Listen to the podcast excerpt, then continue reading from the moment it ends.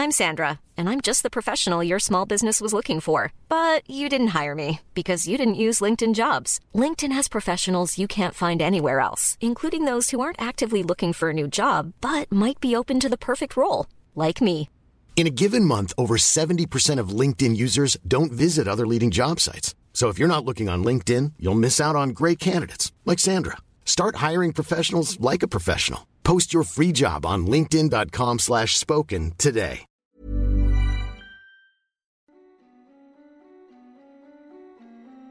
Hej och välkommen till Skräckstunden. En podcast för dig som älskar skräck.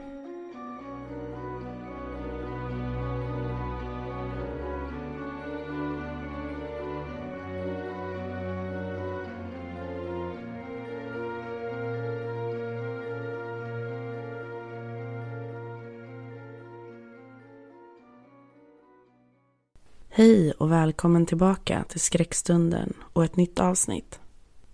Idag kommer ni få höra en enda längre berättelse som är skriven utav mig.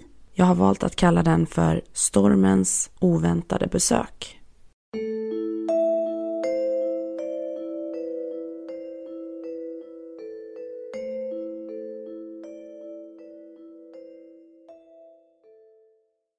Det var en sen oktoberkväll. Jag satt vid mitt gamla ommålade blå skrivbord med färgflagor som konstant släppte i takt med att man rörde vid bordsskivan. Jag tittade ut genom fönstret. Vinden och det hårda regnet slog och smattrade mot rutan. Det var en stormvarning utfärdad så jag hade gjort mig redo så gott jag kunnat för ett eventuellt strömavbrott. Jag visste så väl att strömmen lätt försvinner här ute i skogen så jag hade tänt i stort sett alla ljuslyktor jag ägde och kokat mig en kopp te som jag satt och sippade på samtidigt som jag betraktade ovädret som för varje timme blev bara värre och värre. Jag bor i ett litet torp som jag har ärvt efter min morfar. Ett sånt där rött torp med vita knutar, med lågt i tak och vedspis i köket, vilket för mig var en fördel om strömmen gick, så man både kunde elda för att få värme, men även kunna laga mat om det skulle behövas. Torpet som vi kallar Lyckan ligger i skogen det är ungefär en kilometer smal grusväg hit och nedanför det ligger ett litet samhälle. Så även om man bor mitt i skogen så är det egentligen inte så långt till byn. Det var perfekt på sommaren för mig att kunna cykla till vår lokala lanthandel. Jag studerar och jag är i stort sett alltid hemma och med tanke på att man är en så kallad fattig student så får man leva därefter. Jag är så tacksam för det här lilla torpet som i stort sett inte kostar mig någonting. Jag kan vara i fred här och jag får ro att sköta mina studier och jag trivs att bo avlägset. Jag är inte en mörkrädd person eller någon som har ont av ensamhet så jag får mina dagar att gå ganska bra här ute. Däremot, kvällar som den här, när vädret är stormigt och hårt och jag, som är ensam och inte ens har körkort, så kan jag lätt känna mig lite extra utsatt och illa till mods. Klockan är runt 21 och det är kolsvart ute. Jag hör hur vinden och regnet slår utanför och jag har bestämt mig för att passa på att göra en kvällsmacka medan strömmen ändå finns kvar. Jag går till köket, jag plockar fram en torr brödskiva, lite smör och en skinkbit. Det var den sista i paketet. Jag gör smörgåsen och bestämmer mig sen för att lägga in lite mer ved i vedspisen. Jag tänker att det är lika bra att passa på att elda nu. Huset är väldigt gammalt och därmed också oisolerat vilket gör att vid hård vind eller kyla får man i stort sett elda konstant för att kunna behålla värmen. Jag lägger in två vedpinnar i spisen och inser sen att jag har glömt att bära in mer ved. Jag hade tänkt på det tidigare i eftermiddags men antagligen så hade någonting kommit emellan så att jag glömt det igen. Jag såg nu att jag bara har tre bitar kvar i vedfacket så jag måste hämta mer ute i vedboden. Jag satte på mig min långa regnrock och drog på luvan. Jag tog ficklampan som hängde direkt till höger vid ytterdörren. Jag drog på mig mina stora höga gummistövlar och lyfte upp vedkorgen. Jag fick med en ansträngning trycka upp dörren som kändes extremt tung när vinden stod på. Det är bara omkring 20 meter till vedboden men med den här hårda vinden och regnet som piskade i ansiktet så var jag redan genomblöt när jag kom fram till boden. Regnet var kallt. Det kändes som nålar som stack i mitt ansikte för varje droppe som träffade mig. Jag försökte tända den lilla lampan i vedboden, men ingenting hände. Skit minns jag att jag tänkte. Har strömmen gått precis lämpligt just nu? Jag kikade ut genom dörren för att se om det var mörkt även inne i huset. Men där inne löste det. Jag tänkte att antagligen glödlampan har gått sönder och fick istället hålla mig till godo med min ficklampa samtidigt som jag fyllde vedkorgen med ved. Jag fyllde upp korgen så mycket jag bara kunde. Sen sprang jag in i huset igen. Mest för att veden inte skulle bli så blöt. Men även för att jag inte alls kände för att vara ute i det här skitvädret längre än nödvändigt. Jag kom in i hallen. Jag tog av mig kläderna och hängde in dem i torkskåpet. Jag bar in vedkorgen till köket och passade på att ytterligare en gång kolla till spisen. Det brinner fortfarande bra och jag kunde nog vänta en stund med att lägga in mer. Jag tog min macka och gick tillbaka in till mitt lilla kontor och slog mig ner vid skrivbordet. Jag sippade på teet som nu hade svalnat en aning så att det var lättare att dricka. Jag satt och växelvis tittade ut på ruskvädret och sen ner i min bok igen. Jag sippade lite på teet och tog ett bett på min väldigt torra och inte direkt goda smörgås. Jag studerar juridik, så just nu satt jag och läste om förhörsteknik. Mitt mål är att i framtiden bli åklagare och just den delen jag nu läste var hittills min favorit. Jag grottade ner mig i boken och precis när jag skulle byta sida så slocknade hela huset. Jaha, som väntat. Nu gick strömmen. Hela huset försattes i totalt mörker förutom de små delar som mina små värmeljus kunde lysa upp. Små ljuspunkter lite här och där som spred en liten strimma ljus. Jag var så fast i boken så jag var fast besluten nu om att försöka fortsätta läsa även om mörkret gjorde det svårt. Det var då det slog mig. I min bokhylla i vardagsrummet så hade jag min morfars gamla oljelampa.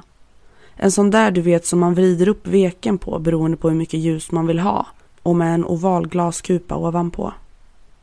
Jag hade aldrig använt den, men jag beslutade mig för att försöka se om det fanns någon veke och någon olja kvar. Om den åtminstone kunde ge mig ljus en så pass kort stund att jag kunde läsa färdigt de tre sista sidorna, då hade jag blivit jätteglad. Jag gillar inte att behöva avsluta mitt i, så det var värt ett försök. Jag trevade mig in i vardagsrummet och plockade ner den gamla lyktan i mässing ifrån hyllan. Jag hämtade ficklampan och gick in i köket. Jag funderade en stund på om jag istället bara skulle nöja mig med ficklampan och läsa färdigt. Men jag tyckte ändå att det kändes mysigare om jag kunde få hjälp av mässingslyktan. Så jag försökte. Efter en stunds inspekterande insåg jag att det fanns både veke och olja i lampan. Jag la ner ficklampan och tog fram mina tändstickor som låg intill vedspisen. Jag tände tändstickan och satte den intill veken. En stor låga for upp för att sen slockna lika snabbt igen. Jag försöker igen. Jag tände en ny tändsticka och satte den ytterligare en gång in till veken på lyktan. En stor eldslåga for upp för en kort sekund och det var då jag såg någonting. I det korta och hastiga sken som lös upp köket såg jag ett ansikte. Ett ansikte som var precis mitt emot mitt, men på andra sidan lampan. Jag stelnade till. Jag tänkte att jag har inbillat mig och tog därför tag i ficklampan. Jag lös omkring mig men jag såg ingenting. Ingen var där, precis som jag misstänkt. Jag visste ju att jag var ensam och jag är inte en person som direkt tror på onaturliga fenomen, om man nu kan kalla det så. Jag slår bort tanken, även om det där ansiktet gnagde i mig till viss del. Jag tog en ny tändsticka. Jag tände den och jag satte den in till veken. Lågan flög upp och slocknade lika snabbt igen. Och där var det. Ansiktet. Den korta millisekund som köket lös upp av lågan såg jag det. Precis in till mig. Nu ännu närmare. Nu blev jag illa till mods på riktigt och tog snabbt tag i ficklampan igen och tände den. Ingen där. Konstigt tänkte jag. Jag gick runt i huset och tittade överallt. Men som väntat, huset är tomt. Förutom mig och Missan då. Min katt som jag skaffade när jag flyttade hit för två år sedan för att få lite sällskap här ute. Missan låg på sin favoritplats i vardagsrummet. En sån där bädd som man kan hänga ovanpå elementet och hon låg och sov, helt oberörd och lyckligt ovetande om mina obehagliga upplevelser. Jag gick tillbaka till köket för att undersöka lampan mer noggrant men det var då jag upplevde någonting som var ännu mer konstigt. Den stod inte längre kvar på bordet där jag hade ställt den. Jag lös runt i köket men jag såg den ingenstans. Tänkte att jag kanske ställt den på en köksbänk istället Men nej, den fanns inte där. Jag gick tillbaka till vardagsrummet för att se om jag har blivit så förvirrad att jag har burit med mig den och kanske har jag ställt ifrån mig den där. Men där fanns den inte heller. På hyllan där den tidigare stått var det tomt. Enbart en dammfri fläck som visade precis vart den tidigare hade stått. Jag tänkte en snabb tanke att jag måste damma när ljuset kommer tillbaka igen. Fy. Hade inte sett hur dammigt det var så här tydligt innan. Jag gick fundersam tillbaka till köket och la in tre nya vedpinnar i spisen. Vädret hade nu tilltagit ytterligare. Regnet piskade och vinden ylade utanför och genom alla otätade springor i huset. Jag tog med mig ficklampan och bestämde mig ändå för att gå tillbaka och läsa, men nu med ficklampan som hjälp. När jag kom i korridoren, precis utanför kontoret, där dörren bara var lite på glänt, ser jag hur det lyser där inifrån. Jag visste ju att jag hade några värmeljus. Men ljuset som kom där inifrån, det var starkare. Starkare än vad mina små värmeljus kunnat orsaka. Jag släckte ficklampan och puttar upp dörren som glider upp med ett knarrande. Där står lampan, tänd, på mitt skrivbord, intill min bok och min kopp te och ger ett fint och behagligt ljus. Nu kan man nog tänka att jag kanske skulle vara nöjd men det var inte den känslan jag kände. Jag förstod ingenting och jag tänkte att jag måste ha blivit galen. Jag var inte ens här inne med lampan. Och dessutom så lyckades ju inte jag tända den. Nu lyser den, som att den aldrig har gjort någonting annat. Och den står precis där jag önskat att ha den. Ja, jag skrattar till lite. Kanske av nervositet. Kanske av en aning rädsla. Men jag är som sagt en logisk människa och jag valde att istället sätta mig och läsa klart. Jag skulle passa på nu när jag faktiskt hade ljus. Jag satte mig vid skrivbordet och började läsa. Jag läste klart kapitlet och valde sen att avsluta för ikväll. Trots att ljuset var okej så ville jag inte påbörja något nytt och jag bestämde mig istället därför för att sätta mig och skriva lite. Jag får inspiration ibland och jag har som mål att någon gång släppa en egen bok. Så jag tänkte nu sätta mig och fortsätta skriva på min egen bok som jag har valt att döpa till Kvinnan i skogen. Lämpligt namnval. Jag hade fått feeling och eftersom den boken går lite i genren skräck så hade kvällens underligheter verkligen satt igång min fantasi. Jag skrev och skrev tills fingrarna krampade. Jag skulle flytta lampan lite grann åt sidan för jag tyckte att den stod lite onödigt nära. Jag tog tag i själva foten för att kunna skjuta den åt sidan när lampan slocknade med ett poff. Precis i samma sekund som jag la handen på den så stendog den. Jag blev irriterad. Jag hade ju verkligen feeling nu och jag ville fortsätta. Min dator hade inte batteri och inte telefonen heller så jag kunde inte fortsätta att skriva där. Ja, ja, tänkte jag. Jag får väl skriva ner stödord på mina idéer med hjälp av ficklampan då. Sen ger jag upp den här kvällen och går och lägger mig istället. Jag var märkbart irriterad nu. Det kändes som att allting bara går emot mig. Jag tog ficklampan och skrev ner de stödord jag kom på som kunde sammanfatta mina tankar och mina idéer till boken. När jag var klar beslutade jag mig för att gå till köket och sova där i natt. Jag har en sån gammal kökssoffa. Jag tror de kallas pigsoffa eller drängsoffa. En sån där i alla fall som man kan dra ut och sova i. Vissa gånger, främst när det varit extremt kallt ute eller dåligt väder, så har jag valt att sova i köket där det blir som mest värme på grund av vedspisen. Jag tog ficklampan och gick mot köket. Först dubbelkollade jag att ytterdörren var låst och det var den. Efter det gick jag in på toa, gjorde mig klar för att kunna sova och gick sedan vidare in till köket och bäddade i ordning soffan för att kunna sova. Jag var verkligen inte det minsta trött, men det fanns inte så mycket att sysselsätta sig med i totalt mörker utan varken el, dator eller telefon. Jag bytte om till min pyjamas och kröp ner i kökssoffan.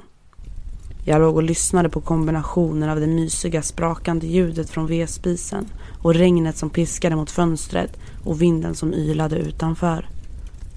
Jag somnade till en stund, vad jag uppfattar som omkring en halvtimme, när jag vaknade med ett ryck. Jag kände mig så iakttagen.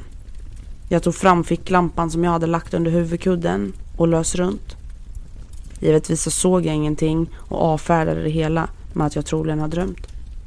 Jag la mig till rätta igen när jag hörde hur det knackade på ytterdörren. Jag blev rädd. Vem skulle komma hem till mig nu?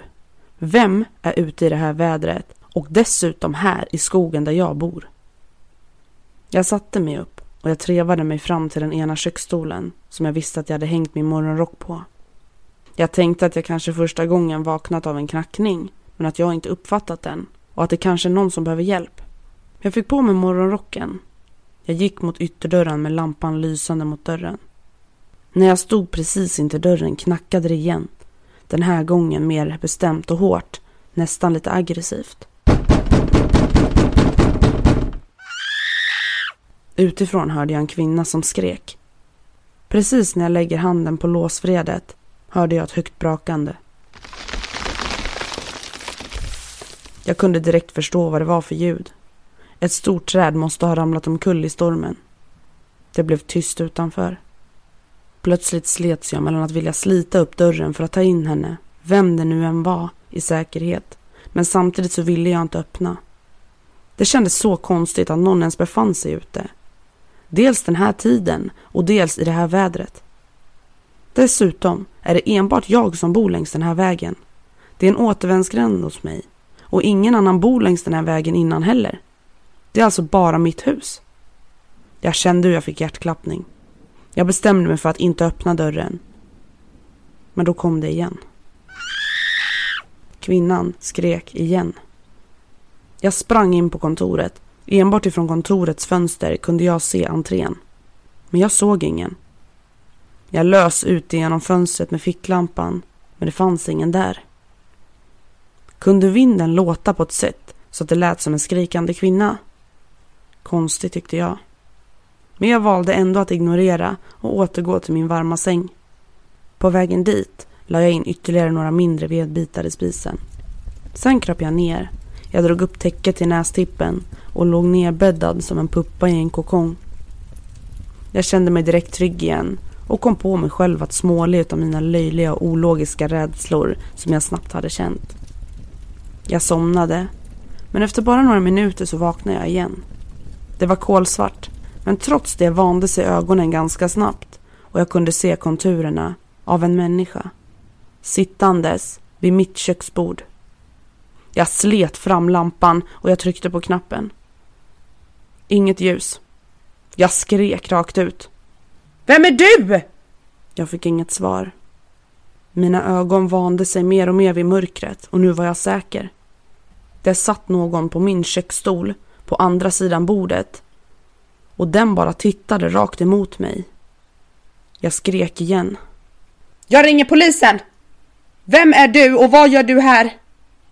Jag hörde andetag. Tunga och djupa andetag. När jag till sist hörde ett lågt svar.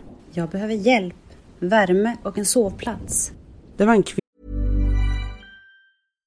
If you're looking for plump lips that last, you need to know about Juvederm lip fillers. With Juvederm Volbella XC and Juvederm Ultra XC, your lip look, whether it's subtle or bold, can last up to one full year with optimal treatment and no additional maintenance. Find a licensed specialist and see if it's right for you at juvederm.com today. That's J U V E D E R M.com. Add fullness to lips in adults over 21 with Juvederm Volbella XC or Juvederm Ultra XC. Do not use if you have severe allergies or a history of severe allergic reactions, or if you're allergic to lidocaine or the proteins used in Juvederm. Tell your doctor if you have a history of scarring or taking medicines that decrease the body's immune response or that can prolong bleeding. Common side effects include injection site redness, swelling, pain, tenderness, firmness, lumps, bumps, bruising, discoloration, or itching. As with all fillers, there's a rare risk of unintentional injection into a blood vessel, which can cause vision abnormalities, blindness, stroke, temporary scabs, or scarring. For full important safety information, visit juvederm.com. Hiring for your small business? If you're not looking for professionals on LinkedIn, you're looking in the wrong place. That's like looking for your car keys in a fish tank. LinkedIn helps you hire professionals you can't find anywhere else, even those who aren't actively searching for a new job but might be open to the perfect role. In a given month, over 70% of LinkedIn users don't even visit other leading job sites. So start looking in the right place. With LinkedIn, you can hire professionals like a professional. Post your free job on linkedin.com slash spoken today. Kvinnoröst som pratade väldigt lågt. knappt hörbart. Jag visste inte vad jag skulle säga. Jag bankade och jag slog på ficklampan när jag till sist fick fram en svag strimma ljus. Så där som ficklampor gör när batterierna precis tar slut. Jag löser mot kvinnan. Där satt hon. Precis som jag anat. På min köksstol. En kvinna i 25-årsåldern, men i bara ett linne, ett par shorts och med ett blont, slitet och rufsigt hår. Jag visste inte vad jag skulle säga. Jag kunde inte tänka klart. Vad gör du här? Hur kom, hur kom du hit? Och varför har du varit utomhus i bara sommarkläder i det här vädret? Kvinnan tittade på mig och log. Sen svarade hon. Jag har inte ont av kyla eller dåligt väder så det gör mig ingenting.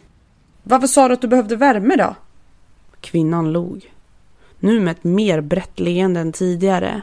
Jag behöver mänsklig värme. Jag är trött och enbart i kontakt med någon annan människa kan jag ladda upp min energi igen. Hoppas det var okej med lampan. Jag tittade på henne. Troligen som att jag sett ett spöke. Jag satt och gapade med munnen. Vadå lampan? Har du förstört min lampa? Nej, alltså jag tar energier ur batterier för att ladda mig själv. Därför är det ingen kraft kvar i din lampa. Hoppas det är okej. Jag såg nog vid det här laget ut som en fågelholk och jag fick i princip plocka upp min hake från golvet för att återfå mitt förstånd. Vad snackade den här kvinnan om? Är hon påtänd? Har hon drabbats av en psykos? Någonting allvarligt fel med henne, det är helt klart. Jag sa lite försiktigt. Alltså, ja, jag vet inte hur du tog dig in här. Men det är faktiskt inte okej att gå in objuden till folk. Men oavsett hur du gjorde så får jag ändå be dig att gå nu. Nu var ficklampan stendöd igen. Det enda lilla ljus som strimmade ut i köket var ifrån ventilationshålen ifrån vedspisen. Men jag kunde se lite. Jag hörde hur kvinnan suckade och sen reste sig. Hon vände på sig och gick utan ett enda ord. Jag hörde hur hon öppnade ytterdörren och gick ut och stängde den efter sig. Jag satt kvar på sängkanten, fortfarande förundrad över vad jag hade hört och sett. Jag försökte tända ficklampan, fortfarande stendöd. Skit också. Jag tände ett ljus som jag hade ståendes på köksbordet och satte mig sen igen. Vad hade jag precis varit med om? Drömmer jag? Jag drog på mig morgonrocken igen och gick emot ytterdörren med ljuset i handen. Intill ytterdörren sitter Missan, min goa katt, helt dyngsur och skakar. Hur kan hon vara blöt? Hon har ju varit inne hela kvällen. Jag låste snabbt dörren, jag lyfte upp Missan och gick tillbaka till köket. Jag la in i spisen igen. Åh, det börjar redan att ta slut på ved från vedkorgen. Imorgon måste jag hämta in mer. Jag kände hur jag verkligen behövde sova nu. Och jag och Missan la oss tillsammans i kökssoffan. Vi började ihop oss tillsammans under täcket och efter det somnade jag. Konstigt nog kanske med tanke på allt som hade hänt.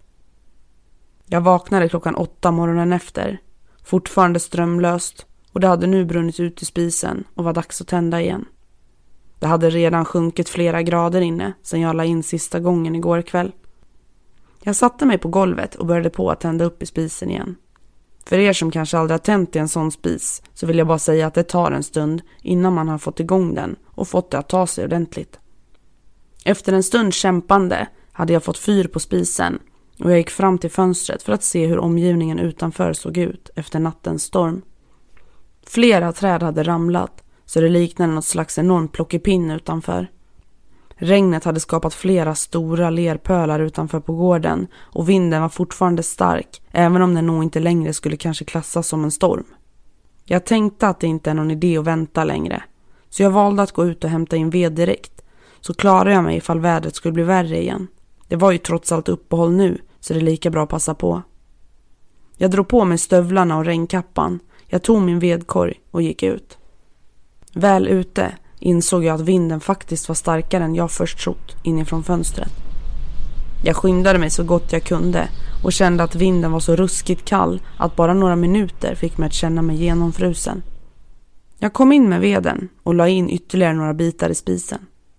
Jag bestämde mig för att ta fram min powerbank ur min skrivbordslåda och hoppas på att det fanns så pass mycket kräm kvar i den att jag kunde få igång min telefon. Jag la telefonen på skrivbordet och gick tillbaka till köket. Köket var i stort sett det enda stället just nu som det faktiskt var relativt behaglig värme i. Efter en stund hör jag ett plingande inifrån kontoret. Jag skyndade mig in, tog upp telefonen och öppnade smset. Det var ju från mamma. Hur mår du i stormen?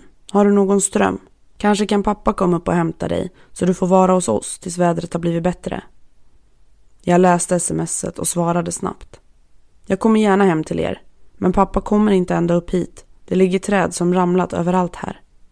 Jag tittade ivrigt på telefonen och hoppades på ett snabbt svar. Telefonen kan ju dö när som helst igen, men än så länge verkar den fortfarande ladda. Det tog en stund tills det plingade till igen. Är vädret säkert nog så att du kan ta dig ner från skogsvägen så pappa kan hämta dig där? Jag skyndade mig att svara. Jag vet inte. Det blåser fortfarande mycket och jag är rädd att ge mig ut just ifall man skulle få ett träd i skallen. Jag förstår. Vi får hitta en lösning. Jag hör av mig igen lite senare. Håll dig inomhus. Älskar dig. Ja då, jag är inne. Har ingen ström men jag laddar telefonen så mycket jag kan via min powerbank. Hej så länge. Älskar dig. Jag la ner telefonen och gick tillbaka till köket. Jag tänkte på hur skönt det faktiskt skulle få vara att ta sig hem till mamma och dem nu under det här vädret.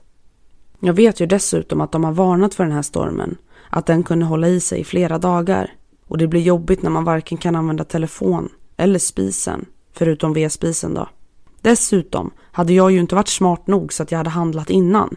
Ja, jag är så korkad.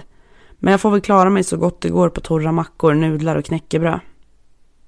Timmarna gick och jag roade mig med att lösa korsord ifrån några gamla tidningar som legat kvar ända sedan morfar bodde här och jag varvade det med att titta ut, invänta sms och lägga in mer ved spisen. Klockan hade hunnit bli omkring 16 och det började skymma. Jag bestämde mig för att gå ut och hämta ved en gång till, bara för att säkert ha så att jag skulle klara mig hela natten. Jag vill inte tvingas gå ut när det är mörkt och kanske om det börjar spöregna igen och efter nattens händelser så var jag faktiskt inte så sugen på att gå ut i mörker. Jag packade ur den veden som redan låg i vedkorgen och tog med mig den tomma korgen ut. Jag skyndade mig och slängde ner ved i vedkorgen när jag plötsligt hör en röst bakom mig. Hej igen! Förlåt att jag skrämde dig i natt. Det var inte meningen. Jag hoppade till och jag vände mig snabbt om.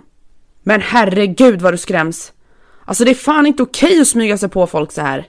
Vem är du och vad gör du här? Kvinnan log. Med ett sånt där brett leende som hon hade gjort i natt när hon satt mitt emot mig. Förlåt, jag menar inte att skrämmas, men jag behöver hjälp. Din hjälp. Avvisa mig inte. Jag hatar när folk avvisar mig. Jag började känna en rädsla komma krypande.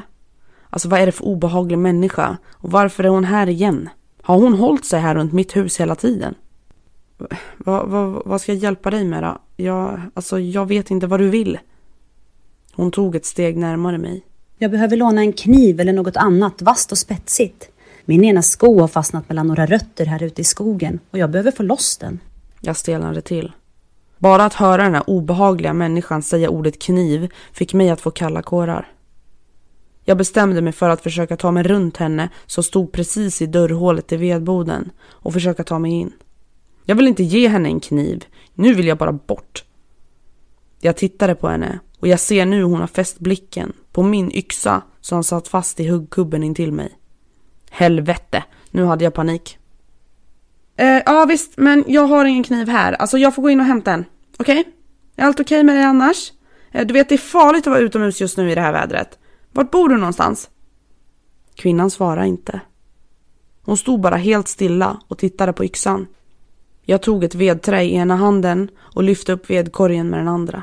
Jag gick och tryckte mig förbi henne för att ta mig ut ur vedboden när kvinnan plötsligt vänder sig om och tar ett stadigt grepp runt min handled. Snälla hjälp mig, jag mår inte bra. Jag börjar skaka. Kanske inte så att det märktes utåt, men inuti. Jag trodde att jag skulle ramla ihop, att benen inte längre skulle bära mig. Men släpp mig! Jag kan inte hjälpa dig och om du inte mår bra då får du söka hjälp. Hej då! Jag slet bort min arm ur hennes grepp och sprang in. Jag låste dörren snabbt bakom mig och sprang ett varv runt hela huset för att säkra så att alla dörrar och fönster var låsta. Efter det drog jag ner alla mina rullgardiner och persienner för att minimera risken för att någon obehaglig upplevelse med kvinnan som skulle kunna ställa sig och titta in på mig. Hjärtat bankade i bröstkorgen. Jag rusade in på kontoret och tittade på min telefon. Ett missat samtal och ett nytt meddelande i röstbrevlådan. Jag försökte att hitta täckning nog för att kunna höra vad mamma sa, men det sprakade mest. Jag kunde bara uttyda någonting om att inte öppna och att stänga och låsa dörrar och fönster. Jag försökte göra ett helhjärtat försök att ringa upp mamma, men jag lyckades inte ens få fram en kopplingston. Fan, sa jag högt för mig själv. Gumman, det går inte att ringa dig, men jag har precis hört på nyheterna att någon kvinna har rymt ifrån den slutna psykiatriska avdelningen en bit bort och hon är efterlyst. Hon har tydligen setts till i området nära dig och anses vara väldigt farlig. Skulle du se någon kvinna i sommarkläder så öppna inte och försök att larma polis. Mitt hjärta stannade. Åtminstone kändes det så. Helvete, det måste ju vara hon. Kvinnan som i natt satt i mitt kök och kvinnan som nyss stod ute med mig i min vedbod och stirrade på min yxa. Jag kände hur en plötslig och kraftig yrsel och ett kraftigt illamående sköljde över mig som en kalldusch. Jag visste inte vad jag skulle svara, men jag fann mig snabbt. Mamma, hon är här. Kan inte larma, ingen täckning. Ring 112, hon har varit inne hos mig. Det gick några minuter innan det plingade igen. Jag har larmat. Det är flera patruller på väg upp till dig. Håll dig inomhus. Polisen kommer också köra hem dig till oss. Håll dig säker tills de kommer. Det kändes plötsligt som att stressen lättade en aning och jag skrev bara ett kort okej. Okay. Jag la ner telefonen och gick åter tillbaka in till köket, till värmen. Jag rörde runt i elden med spiskroken och satte mig sen för att bara vänta, vänta på räddning. Eftersom jag dragit ner alla rullgardiner så var det helt kolsvart inne. Jag bestämde mig därför för att bara dra upp persiennen en liten bit. Jag går fram till fönstret och börjar dra upp persiennen. Precis utanför fönstret står kvinnan med ansiktet så nära rutan att hennes utandningar ger en imma på fönstret. Jag skrek, både rakt ut men även inombords.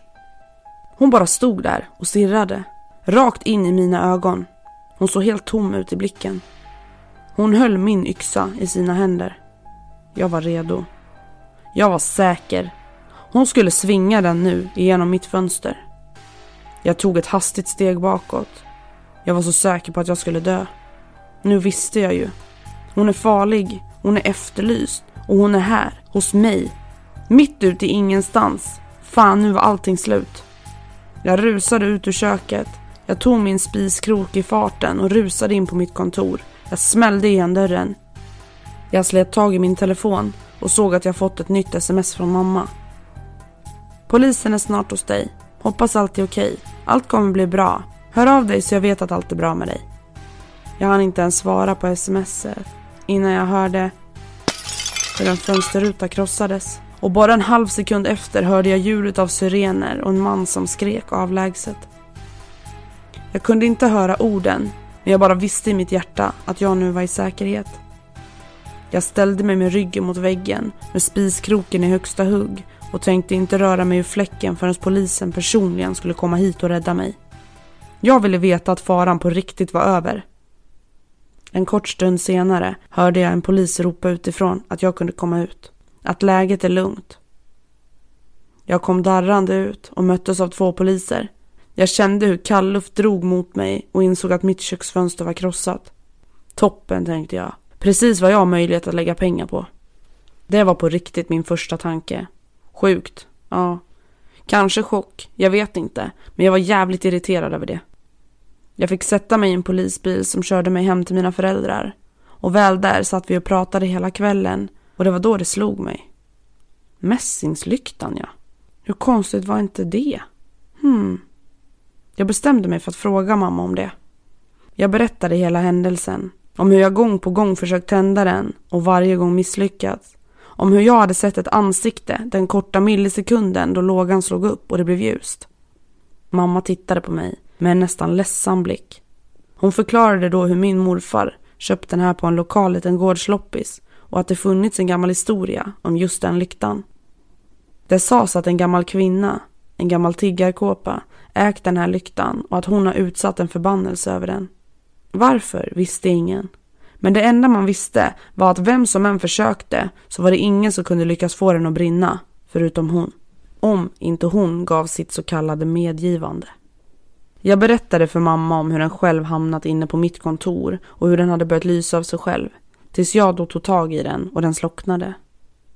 Mamma hade ingen aning och kunde inte förklara det. Hon visste inte mer än det hon hade hört och nyss berättat. Men ingen har någonsin vågat slänga den heller. Den är fin som den är och den är oförarglig. Men just att slänga den, det har ingen vågat. Ingen vet ju konsekvenserna av att kasta bort den gamla kvinnans älskade lykta. Dagarna gick och efter fyra dagar kunde jag åka tillbaka hem igen. Skogsägaren hade då hunnit röja upp i skogen så min trädgård var uppstädad ifrån alla träd och min pappa hade fixat en fönsterfirma som hade satt in ett nytt fönster till mig. Han hade även ordnat en ny ytterdörr och bytt alla lås. Allt i hopp om att jag skulle känna mig säker igen. Och det gjorde jag. Konstigt nog hade jag inga problem eller traumatiska men alls efter den här händelsen. Förutom, jag har aldrig mer tittat ut samtidigt som jag har dragit upp en neddragen rullgardin. Du har nu hört Stormens oväntade besök, skriven utav mig. Och till min hjälp har jag Veronica Andersen som spelade rösten på den förrymda kvinnan. Så tack så mycket Veronica. Min tanke här var att ni lite själva ska få avgöra om den här kvinnan bara var en förrymd kvinna som var allmänt farlig. Eller om det var någonting annat med tanke på det här med batterier och ni får göra era egna tolkningar helt enkelt. Så berätta gärna för mig på vår Facebookgrupp Skräckstunden eftersnack vad ni tänker om dagens berättelse och berätta gärna om ni tyckte om den. Och glöm inte att spana in tävlingen som jag har i samarbete med spel och bokförlaget Nikotext. Nu på söndag klockan 12 avslutas tävlingen så skynda er in om ni inte redan har varit med och gå in och delta. Tävlingen finns både på Instagram som heter Skräckstunden och även i Facebookgruppen Skräckstunden eftersnack. Alla länkar till våra sociala medier finns nere i avsnittsbeskrivningen. Ha en fin vecka. Vi hörs snart igen. Du har lyssnat på Skräckstunden. En podcast som får ditt blod att frysa till is. Ha en fin vecka så hörs vi snart igen.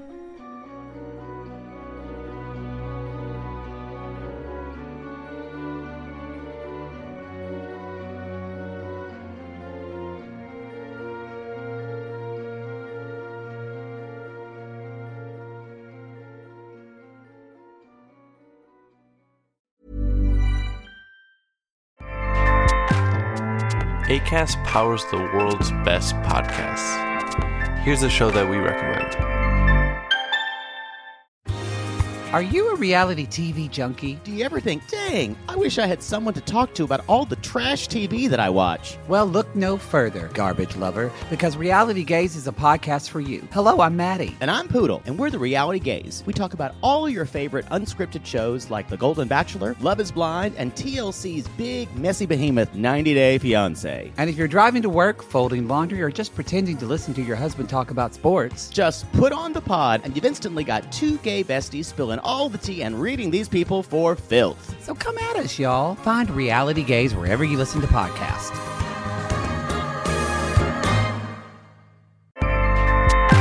ACAST helps creators launch, grow, and monetize their podcasts everywhere. ACAST.com.